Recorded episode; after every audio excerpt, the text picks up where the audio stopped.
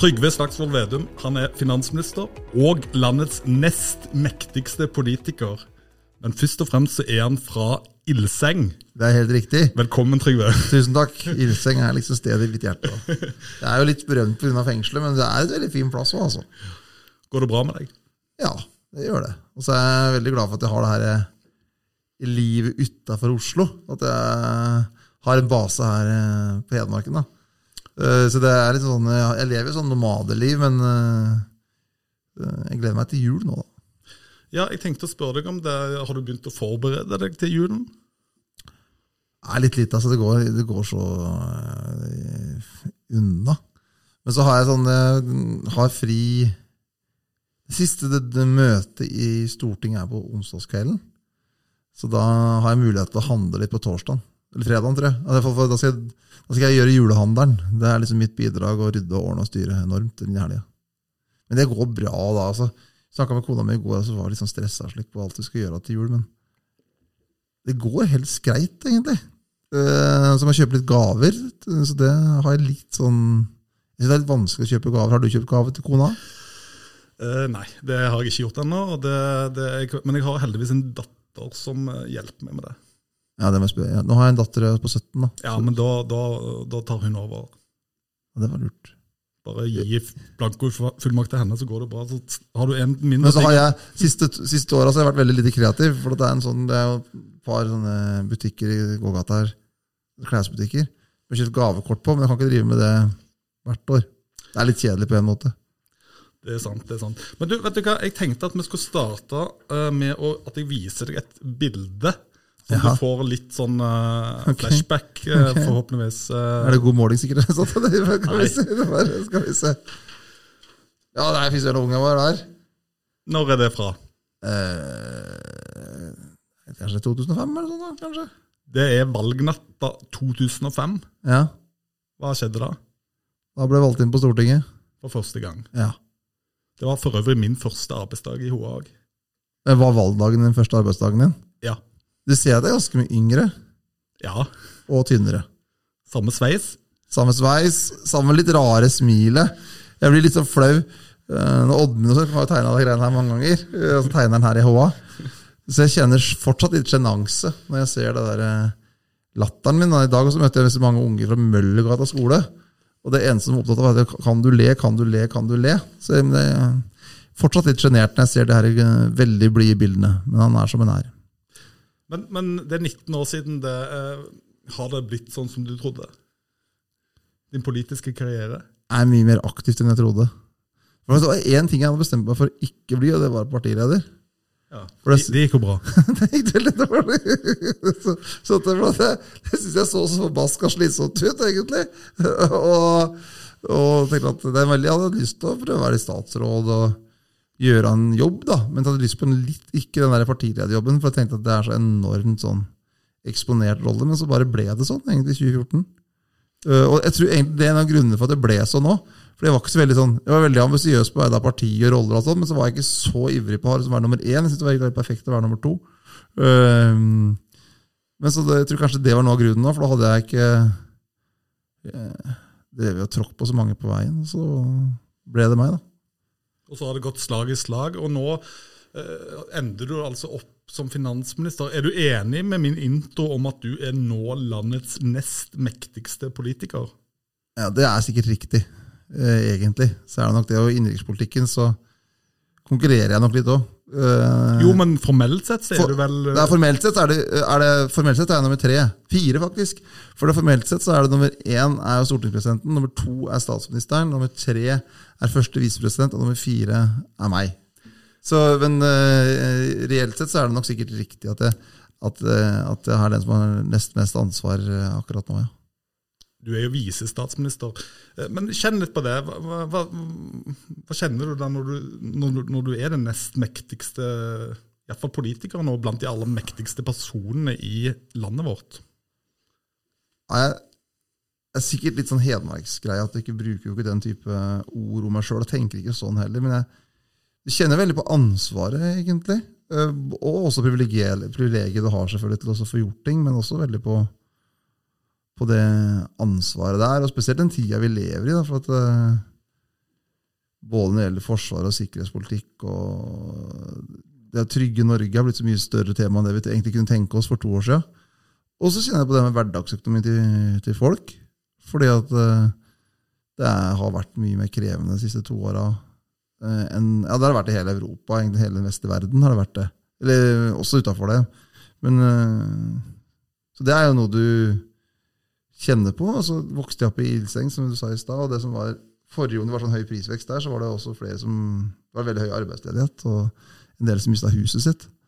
Så det er jo så det, du er sånn alvor, for du kan tenke at det er sånn pomp og prakt eller sånn, ha en sånn sentral rolle.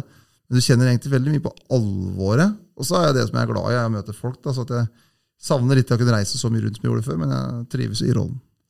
Men det er jo nå drøye to år siden du tok over som finansminister.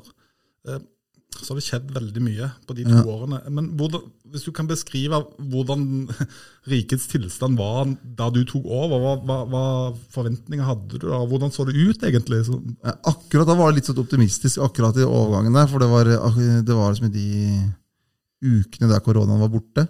Sånn, vi tenkte at det var historie. Og så kom jo det omikron-viruset tilbake igjen da på høsten, så det liksom smelte tilbake igjen, og det ble en ny nedstenging før den jula.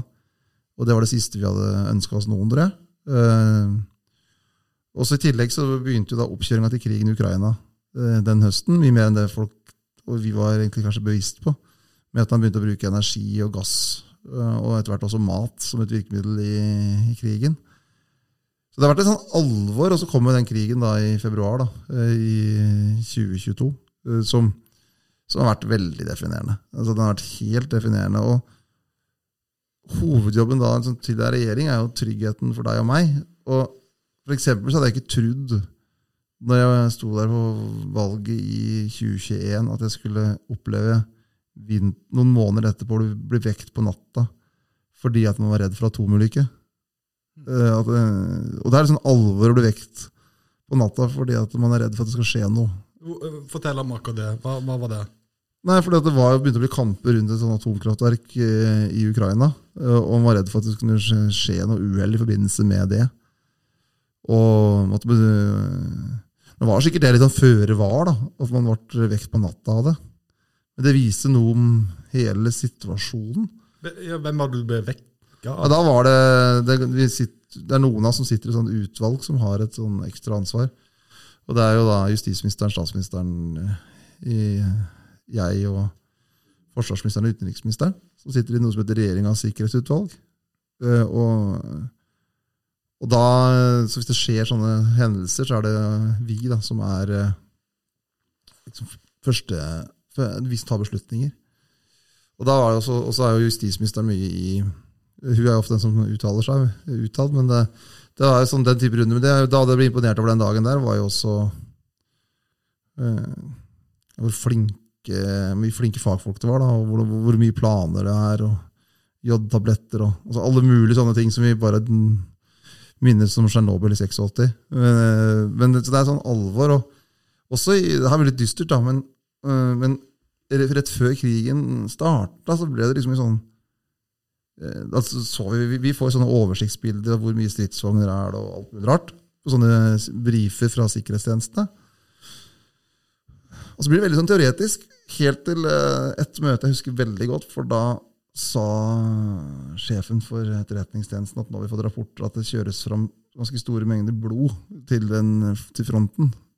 Så vi vet nå at nå begynner å, det er tydelig at her er det alvor. Det er ikke bare sånn styrkedemonstrasjon. at de de rigger seg liksom for det mest alvorlige. Det her har vært offentlig kjent etterpå, for det har vært sagt i åpen etterretning. At det har vært kjørt fram blod, så derfor kan jeg si det. Mm. Og da er det sånn alvor bak det. Så det har vært noen sånne runder som har vært, eh, som jeg aldri hadde Jeg hadde trodd at vi skulle komme tilbake igjen til. Så, så Derfor har sikkerhetspolitikken vært mye viktigere enn uh, det har vært uh, på tiår. Og, og jobben min da, og statsministeren og forsvarsministeren og Emilie, da, og justisministeren, som er også fra Hedmark, det er jo at det skal være tryggest mulig å bo her. Derfor er det når du var med meg for eksempel, og drive og hamstra boksemat og alt sånne type ting Det var litt av en uh, tur. Ja, det var det. Med politi bak og over og overalt. så, så det var Nei, så det er litt sånn Jeg er jo en person med lys sinn, men heldig, det tror jeg egentlig har vært greit å ha de siste par åra. Altså, det, har vært mye alvor, det har vært mye alvor bak der. Men vi kommer til å klare det. da. Så vi er jo et eh, mye bedre sted sånn økonomisk nå enn vi var for et år siden. Det tøffeste perioden for folk er akkurat nå. For at nå, nå kanskje folk merker det mest med renteøkning og slik. Ja, men det økonomien, altså, Hva er det som skjer med økonomien på disse to årene? Kan du klare å forklare det enkelt hvorfor det blir sånn som det blir? Ja, I bunn så er det at det er to ting som treffer samtidig. Det er at det er sånn ettervirkning etter korona. så Der, der har det vært masse sånn stimuleringspakker i hele Ble det brukt for mye penger ja, under koronaen? Ja, egentlig. Så man kjøpte mer varer enn det man hadde. Det var det ene. Og så var det eh, Og det var i hele Europa. Altså ikke bare her. altså Det var overalt. Og så øh, hadde Kina en del utfordringer med sin produksjon fortsatt. fordi det vært, Koronaen varte jo lenger der, og det har vært mye nedstenging i Kina. Så en del av produksjonen kom ikke opp. Så en del varer som vi tok for gitt, var plutselig ikke lett å få tak i. Det merka jeg sommeren 2021 òg. At veldig mange bedrifter sa de fikk ikke tak i skip eller sånn elektriske dingser og alt mulig. Og så øh, kom krigen i tillegg. Og der da Putin bruker da spesielt da energi og mat da, som et middel i krigen. Når de to tingene der treffer samtidig, så, så blir det enorm uro.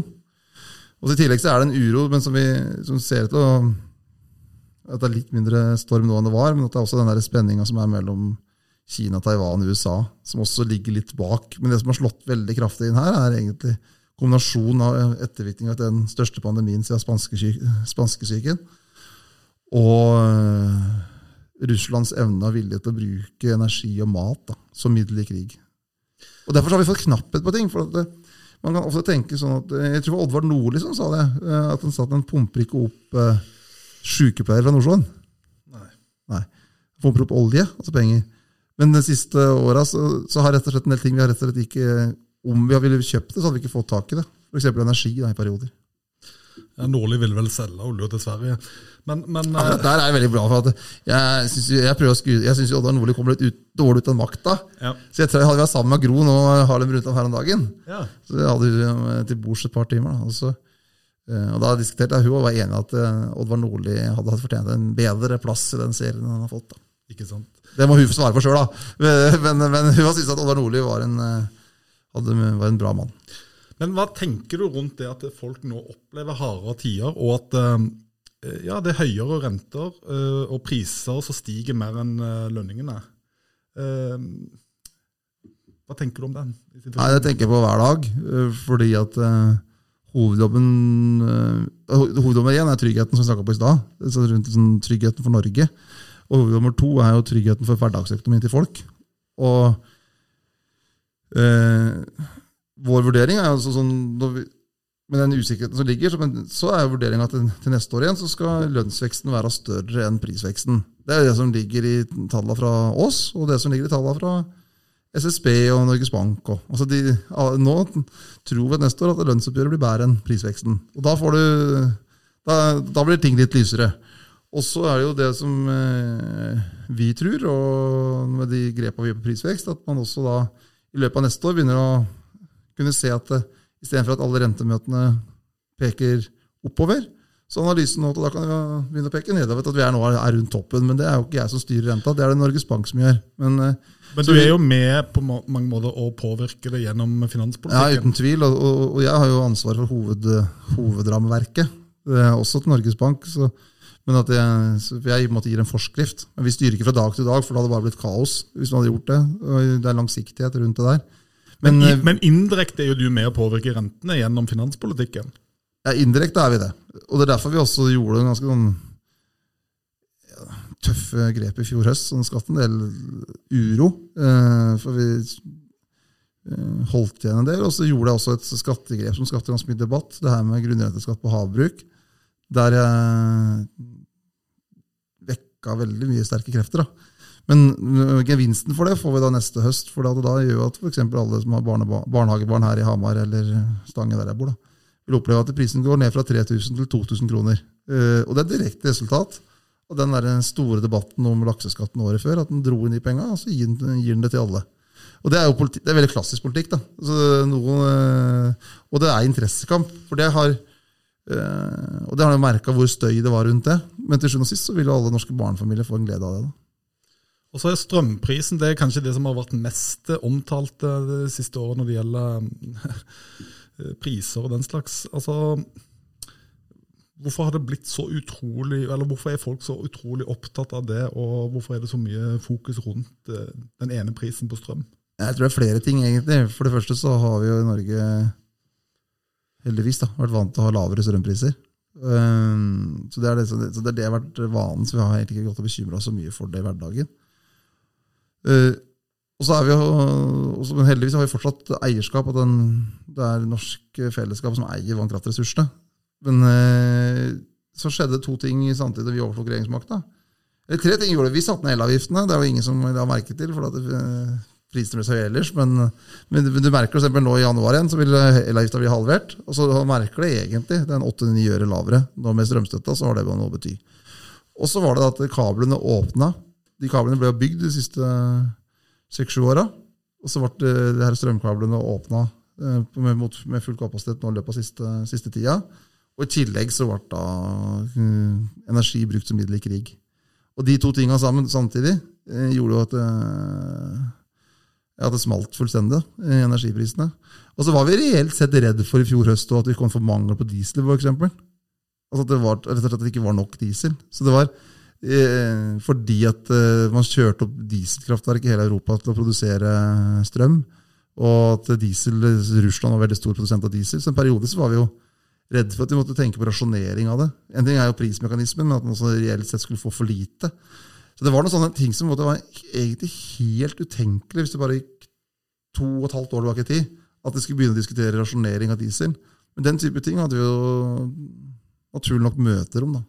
Men jeg tror det er kombinasjonen av eh, kabel og krig samtidig gjorde at du fikk en sånn eh, enorm strømpris. da, som det gjorde. Og så innførte dere strømstøtte. Og mitt spørsmål er er det så smart egentlig? Vil ikke det kunne føre til høyere renter, f.eks.? Jo, I teorien så kan du si det, da. Eh, men det er sånn grunn, regjeringa mener at det er sånn grunnleggende gode eh, og trygghet for folk.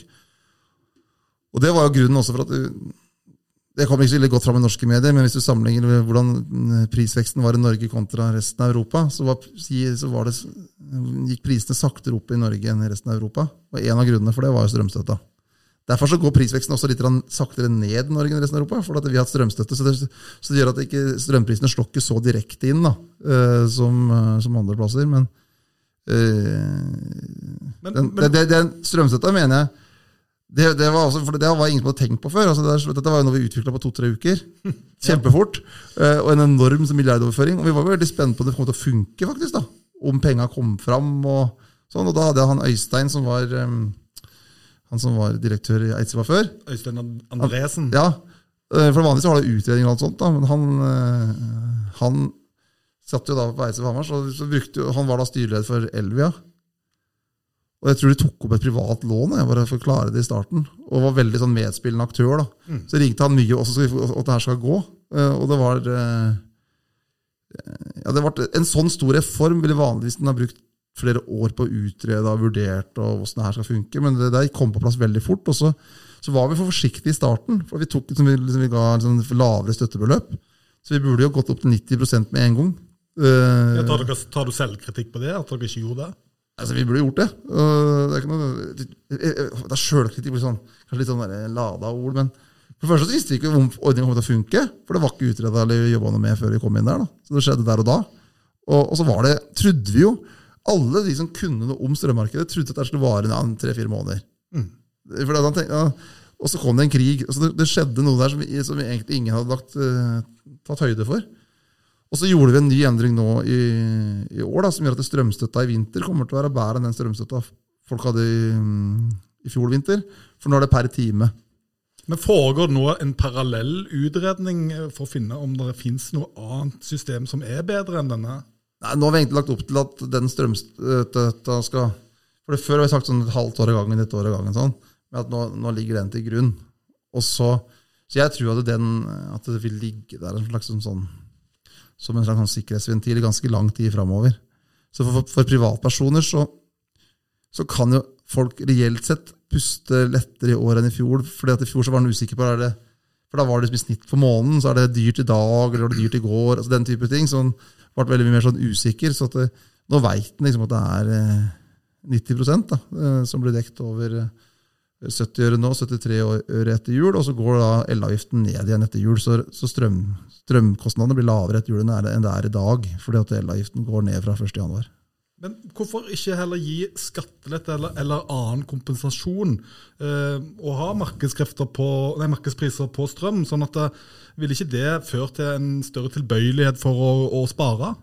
Jo, det tror jeg nok sikkert. Hvorfor, men hadde ikke det vært en idé å, at det samme beløpet dere bruker på strøm, strømstøtte, bruk, uh, bruker dere f.eks. på skattelette, som gjør at folk får det samme uh, som i dag, men, men han, kunne, altså, han, han, kunne, gjort det hvis man uh, hadde valgt det, altså, gitt en slags kontantutbetaling istedenfor. En julebonus, f.eks. Ja, det hadde vært fullt mulig hvis man ville det. For det her er jo egentlig bare en annen måte å ta en kontantutbetaling bare at du gjør det gjennom strømregninga. Men det er for at vi mener at strøm er en sånn eh, Så mye av det norske systemet er basert på at folk bruker strøm uh, kalde dager, mørke dager.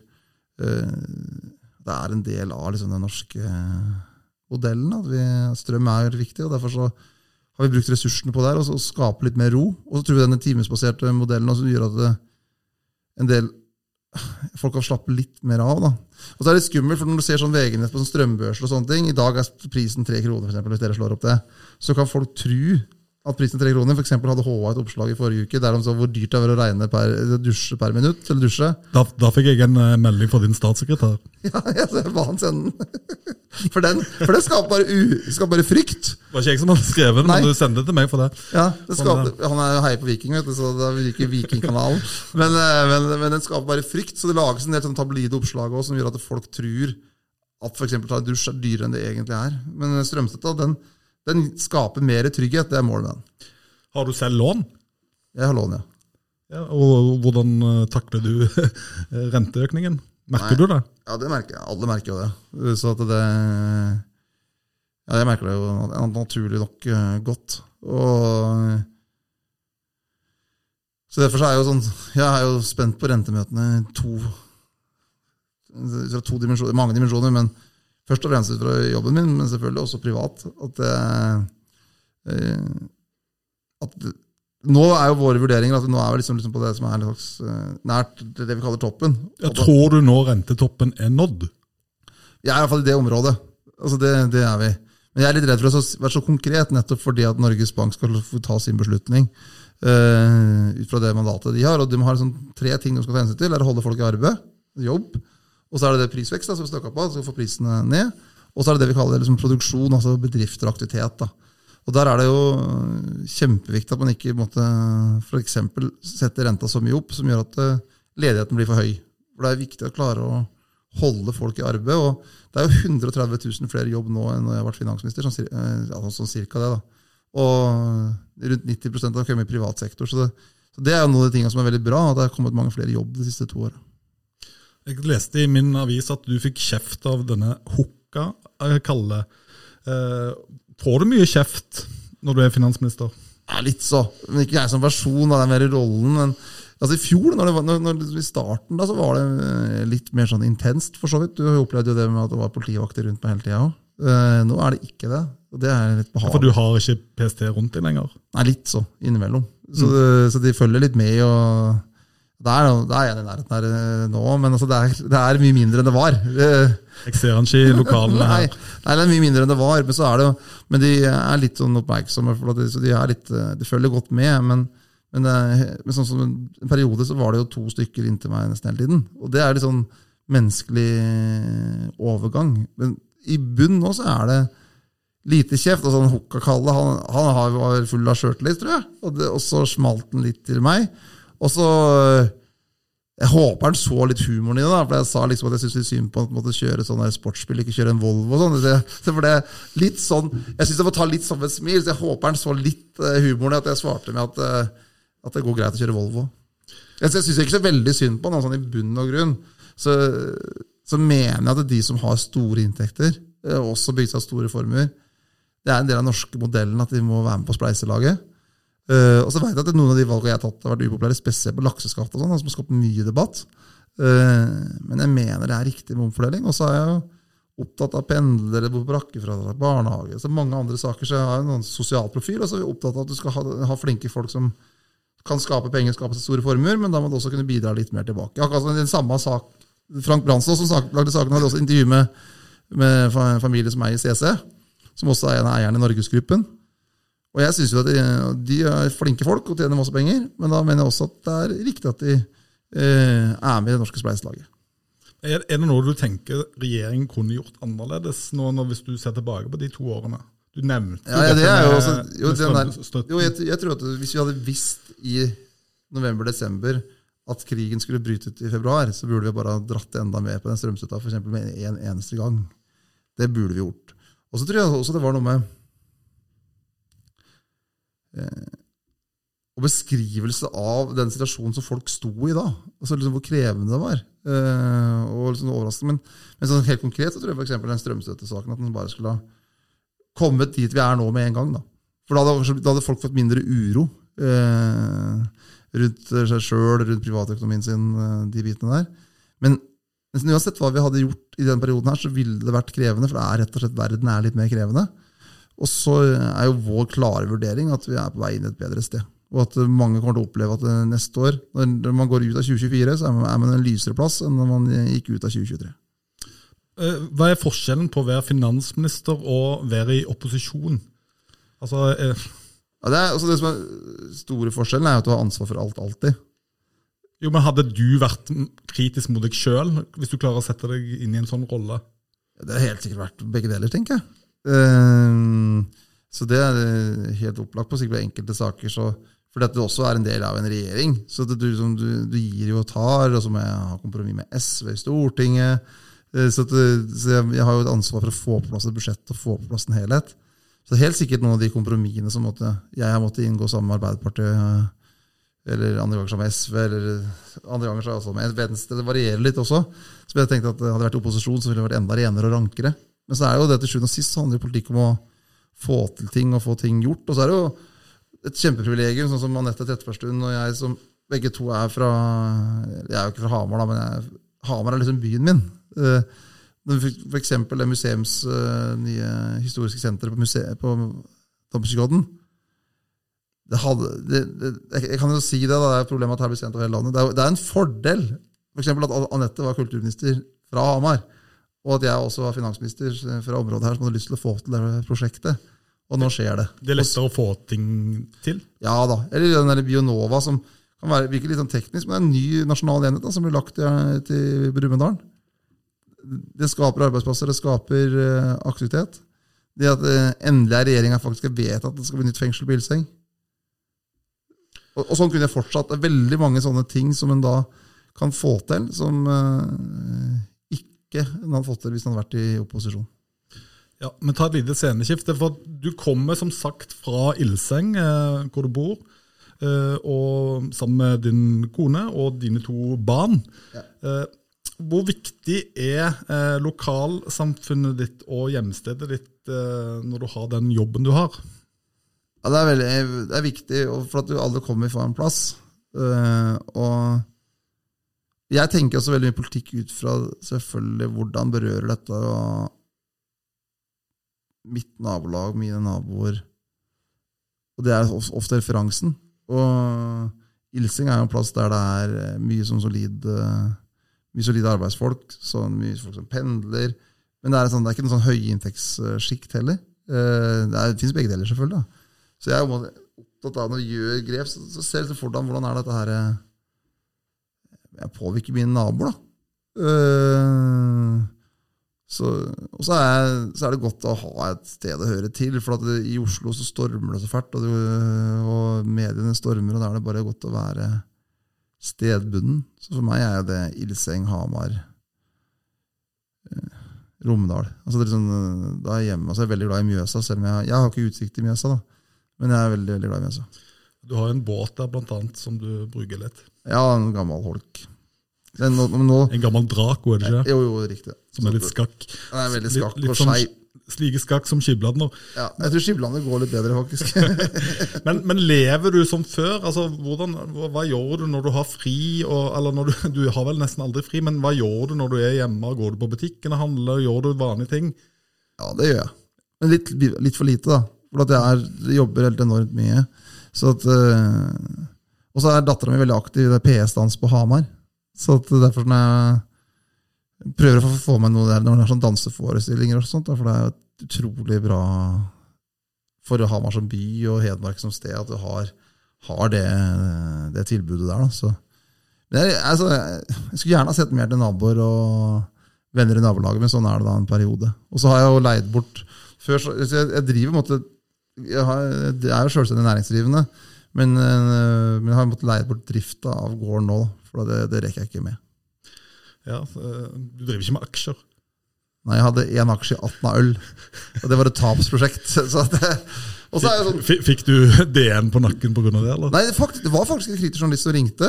Uh, men den aksjen var da 5000 kroner i sin tid for å være, prøve å redde øl, ølbryggeriet i Atna.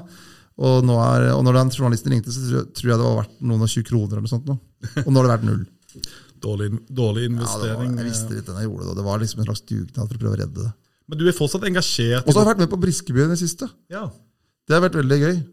Og så har jeg har en tanteunge øh, Vi ble enige om at du ikke skulle snakke om Viking. Nei, jeg skal ikke gjøre det. Men HamKam, derimot de, jeg, var, jeg var jo så heldig å få lov til å være både på Rosenborg-kampen, som var en fest av et fyrverkeri, og Bodø og Glimt. For da Bodø-Glimt hadde jeg vært på sånn uh, turné. Så jeg, var, kom fra Bergen, og jeg fikk på meg andre omgang i Bodø og den andre omgangen var verdt uh, helt ufattelig mye. Og så har jeg vært på litt damekamper, for jeg har en uh, onkelen til ei jente som spiller eller er dame da, som spiller på damelaget til HamKam. Sigrid, Sigrid Julie Vedum Volla. Veldig god midtstopper. Du, du, har for vane å ta opp alvorlige og personlige ting i talene dine på eh, landsmøtene. Ja. Eh, nå sist så fortalte du at du hadde blitt ramma av en sykdom. Ja. Fortell til de som ikke vet dette. Nei, Det var uh, våren 2020, så kom jeg hjem fra jobb, da, og så skulle vi se på Harry Potter, som er uh, populært. Og så så fredagspizza og de tinga der. Og så kjente jeg liksom at jeg ble så svimmel. Jeg hadde tatt meg et sånn lite glass øl, så det var ikke noen sånn rasjonell grunn for at jeg skulle bli svimmel. Og så gikk jeg på badet, så ble jeg bare dårligere og dårligere. Uh, og fra, for historien så endte jeg på Hamar sykehus etter hvert. da. Uh, og tilbrangte natta der. Uh, og var i helt elendig form. Uh, kasta opp og kasta opp og kasta opp, opp, hele jord, eller, eller, alt gikk rundt. Uh, og Så begynte det å gjenta seg, men så skjønte ikke legen hva det var. og Så ble det skrevet ut, og så fikk jeg flere runder da, på sommeren med sånne såkalte attakk. Uh, ikke fullt så kraftig hver gang, men noen ganger ganske kraftig. Uh, på en måte var jeg litt heldig at jeg fikk det såpass mange ganger, for det gjorde at det, det ble satt i gang med MR og litt forskjellige undersøkelser. Og da viste det seg at jeg hadde MS, da, som er en uh, sykdom som måtte angripe deg sjøl. En autoimmun sykdom. Og uh, det er jo en veldig sånn alvorlig beskjed å få, for spesielt når du har hørt om MS tidligere i livet. så er det alltid, Du ser for deg at det, da er det er vanskelig å jobbe eller vanskelig å være i form. Men heldigvis så er det noen fantastiske folk i norsk helsevesen og for meg også en sykepleier som heter Anne. Som eh, ja, Det kan gå helt fint, Trygve. Men Livet ditt er litt mer sårbart, men det er mange som kan jobbe helt fint. Og det er helt andre medisiner nå enn det var før. Først fikk jeg en medisin høsten 2020 som jeg var ganske dårlig av. På en måte igjen så Kanskje det var bra òg, for akkurat på det tidspunktet så hadde man ikke begynt med sånn høyaktiv medisin. Man prøvde litt billigere. Men så kom det ble en ny standard at en skulle få sånn høyaktiv medisin, som er en slags form for cellegift, som jeg har da fått. Og etter jeg har fått den, så har jeg egentlig ikke merka noen ting. Så jeg har tatt cellegift, sånn, en form for cellegift et par runder. Og jeg har ikke blitt dårlig av det. Og på de siste bildene også, som jeg tar sånne bilder, da, så, så ser det ikke det, ser det som ting er i sjakk. Da. Så jeg, jeg har nok fått en sånn ekstra takknemlighet over å kunne jobbe så mye og være så aktiv som jeg er, og vite at jeg bærer på en så alvorlig sykdom som nå Det virker som at den holdes helt i sjakk av medisinen. Du sier at du går på cellegift. Jeg vet at det å bruke, så du tenker jo kreft med en gang, men, Ja. men blir du syk av den? da? Du, du har ikke så mye hår å miste, kanskje, men, men, men Nei, nei så det er ikke det. Nei, jeg gjør ikke det. Altså. nei, du mister ikke hår? Nei, Det sto at det var mulig bivirkning, men det var ferdig mista. Det så Ja. det, det var jo allerede Nei, men du har fortsatt litt. Jeg har fortsatt litt, ja. Nei, men jeg, så jeg, så jeg kjenner jeg har snakka med folk som også har brukt samme, akkurat samme medisin som meg, som har blitt dårlige av det, som ikke har tålt det. Men, jeg, men den er, for meg som, så var det som å ta en fluortablett, egentlig. Og ikke eh, dårligere i det hele tatt. Bare at jeg veit at det var et helt annet alvor. Så jeg tok det var tablettform, da, eh, som jeg har tatt i to sånne kurer som tar over en viss periode. Og jeg har ikke blitt eh, dårlig i har ikke, Kroppen har ikke reagert på det. Jeg reagerte på medisinen jeg fikk først. Da fikk jeg så mye som magekramper. Det var ganske slitsomt, fordi at eh, først var det vondt. da, Så jeg fikk problemer med å sove om natta. og sånn, og så er en såpass offentlig person, så det synes veldig godt. Uh, typisk intervjusituasjon, at du måtte gå ut av det noen ganger. Den, den type ting. Uh, og, men, men den medisinen jeg har nå, så opplever jeg ingen problemer. Og så veit jeg at livet er litt mer sårbart. Men livet er jo sårbart for alle. Så ting kan jo skje. Så, så da blir jeg litt mer takknemlig for det jeg kan jobbe og være så aktiv. Og så er det en veldig fin ting ved det. Det høres litt rart ut, men det er jo Jeg liker jo å være nær folk og snakke med folk. Og det, etter at jeg har eh, stått fram med egen sykdom, så får vi enda flere er enda flere som tør å være liksom åpne. Det er liksom, så akkurat i rollen min som statsråd og partileder, så, så tror jeg det er litt døråpner òg. Og så er det lettere for meg å bare spørre åssen folk egentlig har det når de f.eks. sitter i rullestol. Men vil du kunne bli dårligere seinere i livet ditt? Er det en sånn type sykdom? Eller, Ja. eller? Det kan det bli. Det Man veit ikke helt, for at uh, Først er den, den type medisin jeg går på, er såpass ny, så det vet en ikke. Og uh, mange som har MS, blir jo uh, er uføre og får ikke til å jobbe fordi ting ikke funker så godt. Da. Men man tror at øh, med dagens medisin og med, så er det fullt mulig at jeg egentlig kan jobbe 100% og, Så nå jobber jeg egentlig 250 Det, og så tror jeg jeg har fått en egen Jeg har fått litt mer ro, tror jeg, faktisk. Fordi at det blir litt mer sånn tak, takknemlig for det hverdagslige og jobben, og litt mindre stressa på sånn dagens mediestorm, for det står jo så mye storm. storm. Så, så jeg tror jeg blir litt mer rolig på det. det mm, så jeg tror ikke det. Jeg tror faktisk, Noen kan tenke er det mulig å ha en sånn sykdom og gjøre en sånn jobb. Jeg tror faktisk jeg har gjort det litt lettere, når, i når medisinen funker, og at jeg ikke har den her eh, utmattelse og de tinga som en del får. da.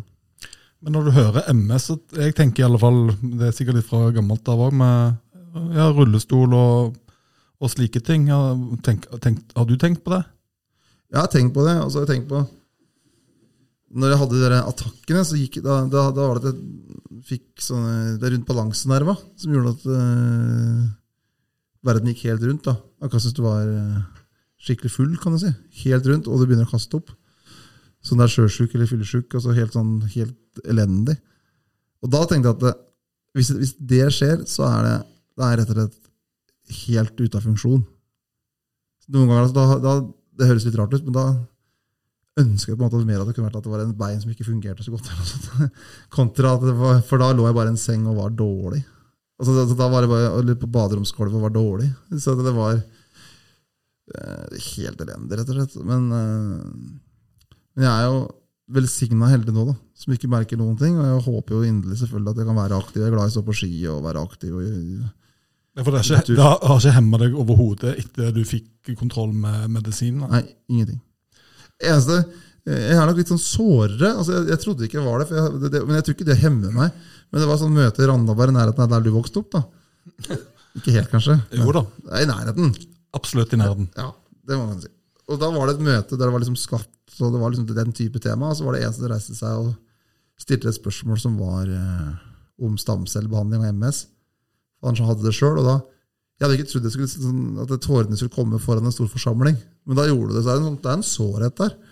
Men jeg tror egentlig altså, folk bare skjønner det. Så Men tror du at den sykdommen kan gjøre at, eh, at du får en kortere tid i toppolitikken enn du hadde uten sykdommen? nei, det tror jeg ikke. Nei. Egentlig ikke i det hele tatt. Jeg tror nesten Hvis ikke det sånn som det er nå, så gjør det ikke det i det hele tatt. Jeg tror kanskje det hadde gjort meg litt, bitte litt mer robust, faktisk. Det, det, men, det kan, men det kan være at jeg bare har overbevist meg sjøl om det òg, akkurat det siste det med robuste. Men, men det er det, sånn jeg opplever det sjøl. Men så veit vi ikke. Vi veit jo ikke hva livet bringer, men hvis jeg blir dårlig på den måten jeg var, så vil folk se det med en gang. Så, det, så, det noe, så for meg så er ikke det noe mulig å holde skjult, på en måte. For de, de attakkene, da, det, da, da, funker jeg ikke, akkurat når det står på. Men, men, nå er det absolutt ingen problem. Det er bare en del av, del av meg. Det er flott, eh, Trygve. Eh, det har vært en del trøbbel eh, for regjeringen med tanke på at flere ministre har måttet gå av nå i, i, i perioden. da. Ja. Hvordan har du opplevd det? Jeg synes Det er veldig vemodig f.eks. Anette. Og det er vemodig for Hamar som by òg, og Hedmark som sted. For at Anette var, en, var en flink statsråd og fikk, fikk gjort ting. og uh, Så skjønner jeg at det måtte bli som det ble. Uh, men likevel, selv om du skjønner det, så ser du personen. Uh, og så mener jeg det var et tap for, uh, for regjeringa å miste flinke folk. Når det kommer flinke folk til, men så selvfølgelig så blir den jo Og så syns jeg det er synd for Hamar uh, som område òg. At en sånn dyktig politiker fra vårt fylke ikke lenger er i regjering. Men sånn er jo politikken. Den er ganske, den er ganske hard når det, når det, stormer. Og jeg tror også for Nettet sin del så tror jeg rett og slett ikke hun var bevisst på hva hvor grensene gikk eh, rundt det her med habilitet. og da så er det ganske sånn brutal fra å tenke at det ikke er noe problem, til plutselig at verden snur seg helt på hodet, sånn som det gjorde for henne. Mm. Og flere andre òg. Ja, flere andre og det, Så hele de rundene altså, Det som er litt sørgelig med det, er at det, egentlig så tror jeg politikken er mer ordentlig enn det har vært noen gang.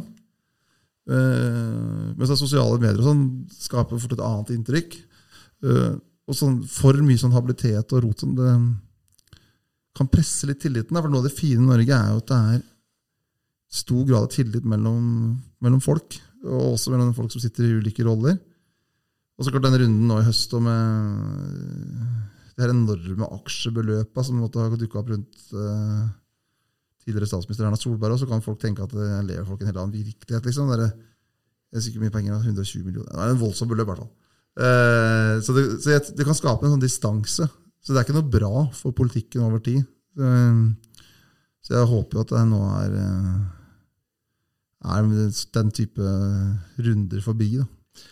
Vi får se, da, for, nå, nå, blåser det jo veldig hardt rundt eh, Emilie eh, Enger Mehl ja. og det som har skjedd med NSM. Ja. Hva tenker du om den saken nå, når, det er 12. desember?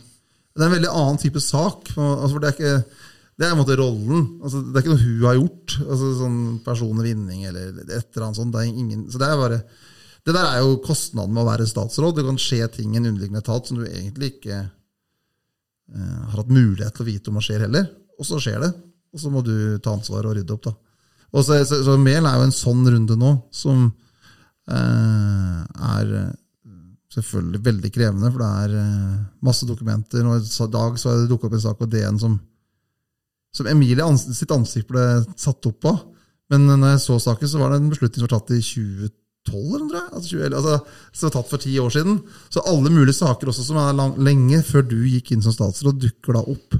Men Emilie jo, har jo den enorme arbeidskapasitet. altså Hun har veldig god oversikt over de sakene, så hun har jo jobba noe enormt og har kapasiteten til å gjøre det. så... Men hvilken rolle har du nå når det blåser? Ja, den er, den er tett på naturlig nok. Eh, både som sånn rådgiver, men også i rollen som eh, finansminister. Så blir det jo alle, alle sånne store saker i regjering blir du tett på. Men så er det til sjuende og sist i Norge så er det den enkelte statsråd som har ansvar for denne saken. Så selv om jeg er tett på å gi råd, eh, kan vi gjøre vurderinger, gi råd når er det klokt å komme en redegjørelse, alle sånne, den type ting, så er det til sjuende og sist den som står først, som bærer den største børa. Og det, det gjør gjør Emilie. Og Emilie har jo Altså Knut Storberget hadde en utrolig tøff vakt som justisminister pga. den forferdelige uh, hendelsen og terrorangrepet 22.07. og de månedene etterpå. Uh, og all den sorgen som var rundt det. Men Emilie har også hatt en helt spesiell periode som justisminister. Det har skjedd så mye. Helt enormt uh, som har skjedd på den vakta. Og klart sånn NSM-saken, den Der er det heldigvis det er veldig alvorlig. og det tungt tungt alvor i den saken, men der er det jo ikke I Justisdepartementet også er det noen ganger også menneskeliv. Så her må det bare ryddes og ordnes, og det er virkelig alvor bak det. Men jeg tror det er sånn menneskelig så kan det være vel så krevende når det er Eller mer krevende når det er litt sånn, Selv om politisk sett så saken her er større enn mange av de andre sakene, så tror jeg på det menneskelige plan at det der eh, kan være hardere, selv om det ikke alltid stormer like mye når det er altså, en del av de sakene som politiet har, som en justisminister er borti, da, som ikke alltid når topp, toppsidene. Men noen mener jo at Emilie må gå av pga. denne saken. Hva tenker du om det? Nei, men Det er litt politikkens logikk. da, Det blir sånne type ting. Men har du tillit til henne? Ja, jeg har høy tillit til henne. Eh, Hun er dyktig ryddig, og, og, og gjør noe altså Hun er hennes jobb å rydde opp og få fram alle fakta i en sånn sak. Da. For det første det er det en stor jobb i seg sjøl å få fram alle fakta. Eh, og det, det jobber jo hun, eh, hun med, å ha en veldig sånn mer åpenhetslinje også overfor media for å være, få fram mest mulig fakta så fort som mulig. Men vil hun måtte gå av? Nei. Det er du helt sikker på? Jeg har eh, Altså, det er Stortinget altså, Jeg må alltid sånn altså, altså, Emilie Mehl har min fulle tillit, eh, og hun kommer til å stå i den stormen, og så stormer det. Og det handler egentlig, og det er det som er litt sånn skummelt i politikken, det skal handle liksom om akkurat den eller den eh, personen, men her handler det om å rydde opp, og Emilie gjør det. og, og Hun kommer til å stå igjen her på en trygg og god måte. Og så kommer det garantert til å være mange oppslag og støy. Og så blir nok Emilie tatt ganske hardt en del perioder òg, for hun er en uh, politiker som mange mener noe om. Så, så det, uh, sånn er det. Men hun kommer til å stå i den stormen her på en god måte. Og kommer til å fortsette å være justisminister uh, om Seks år til. Ikke sant? Hvis folket vil i 2025. Du, Vi må ha litt uh, moroskap òg. for at og så må jeg si et boktips. da. okay. Fordi at Hamar har jo fostra en dame som heter Katja Anker Møller. Ja. Og Det er blitt gitt ut, gitt ut en bok om henne nå. Uh, hun bodde, vokste opp på Stagatun.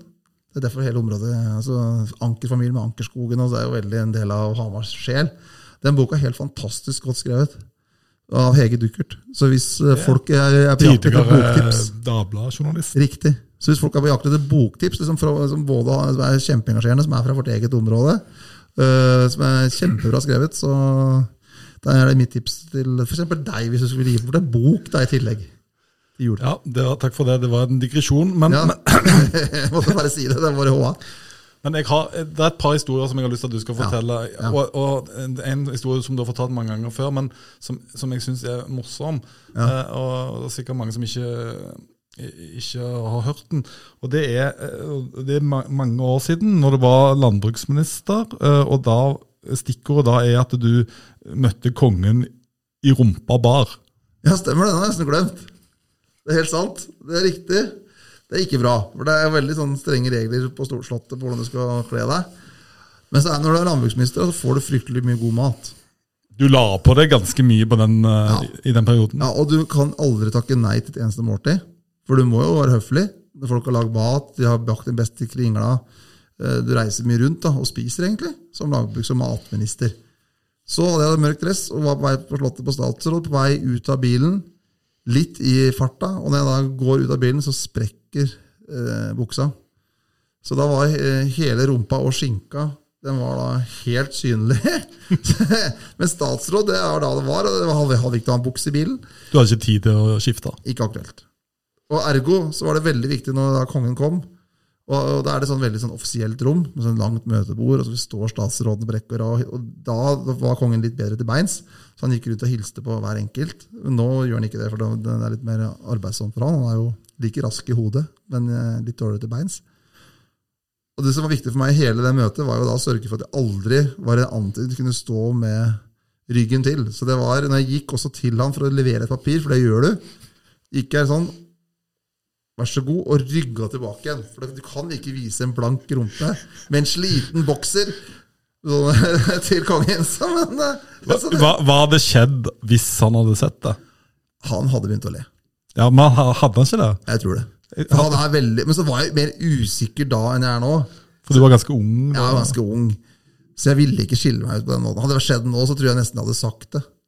Og da tror jeg han hadde fått latter. Altså Det er veldig formelt i statsråd, men han er veldig sånn uformell altså Det høres jo rart ut. Uformell type. Det er han jo egentlig ikke, da. han er jo kongen vår. men han er flink til å se det humoristiske i ting.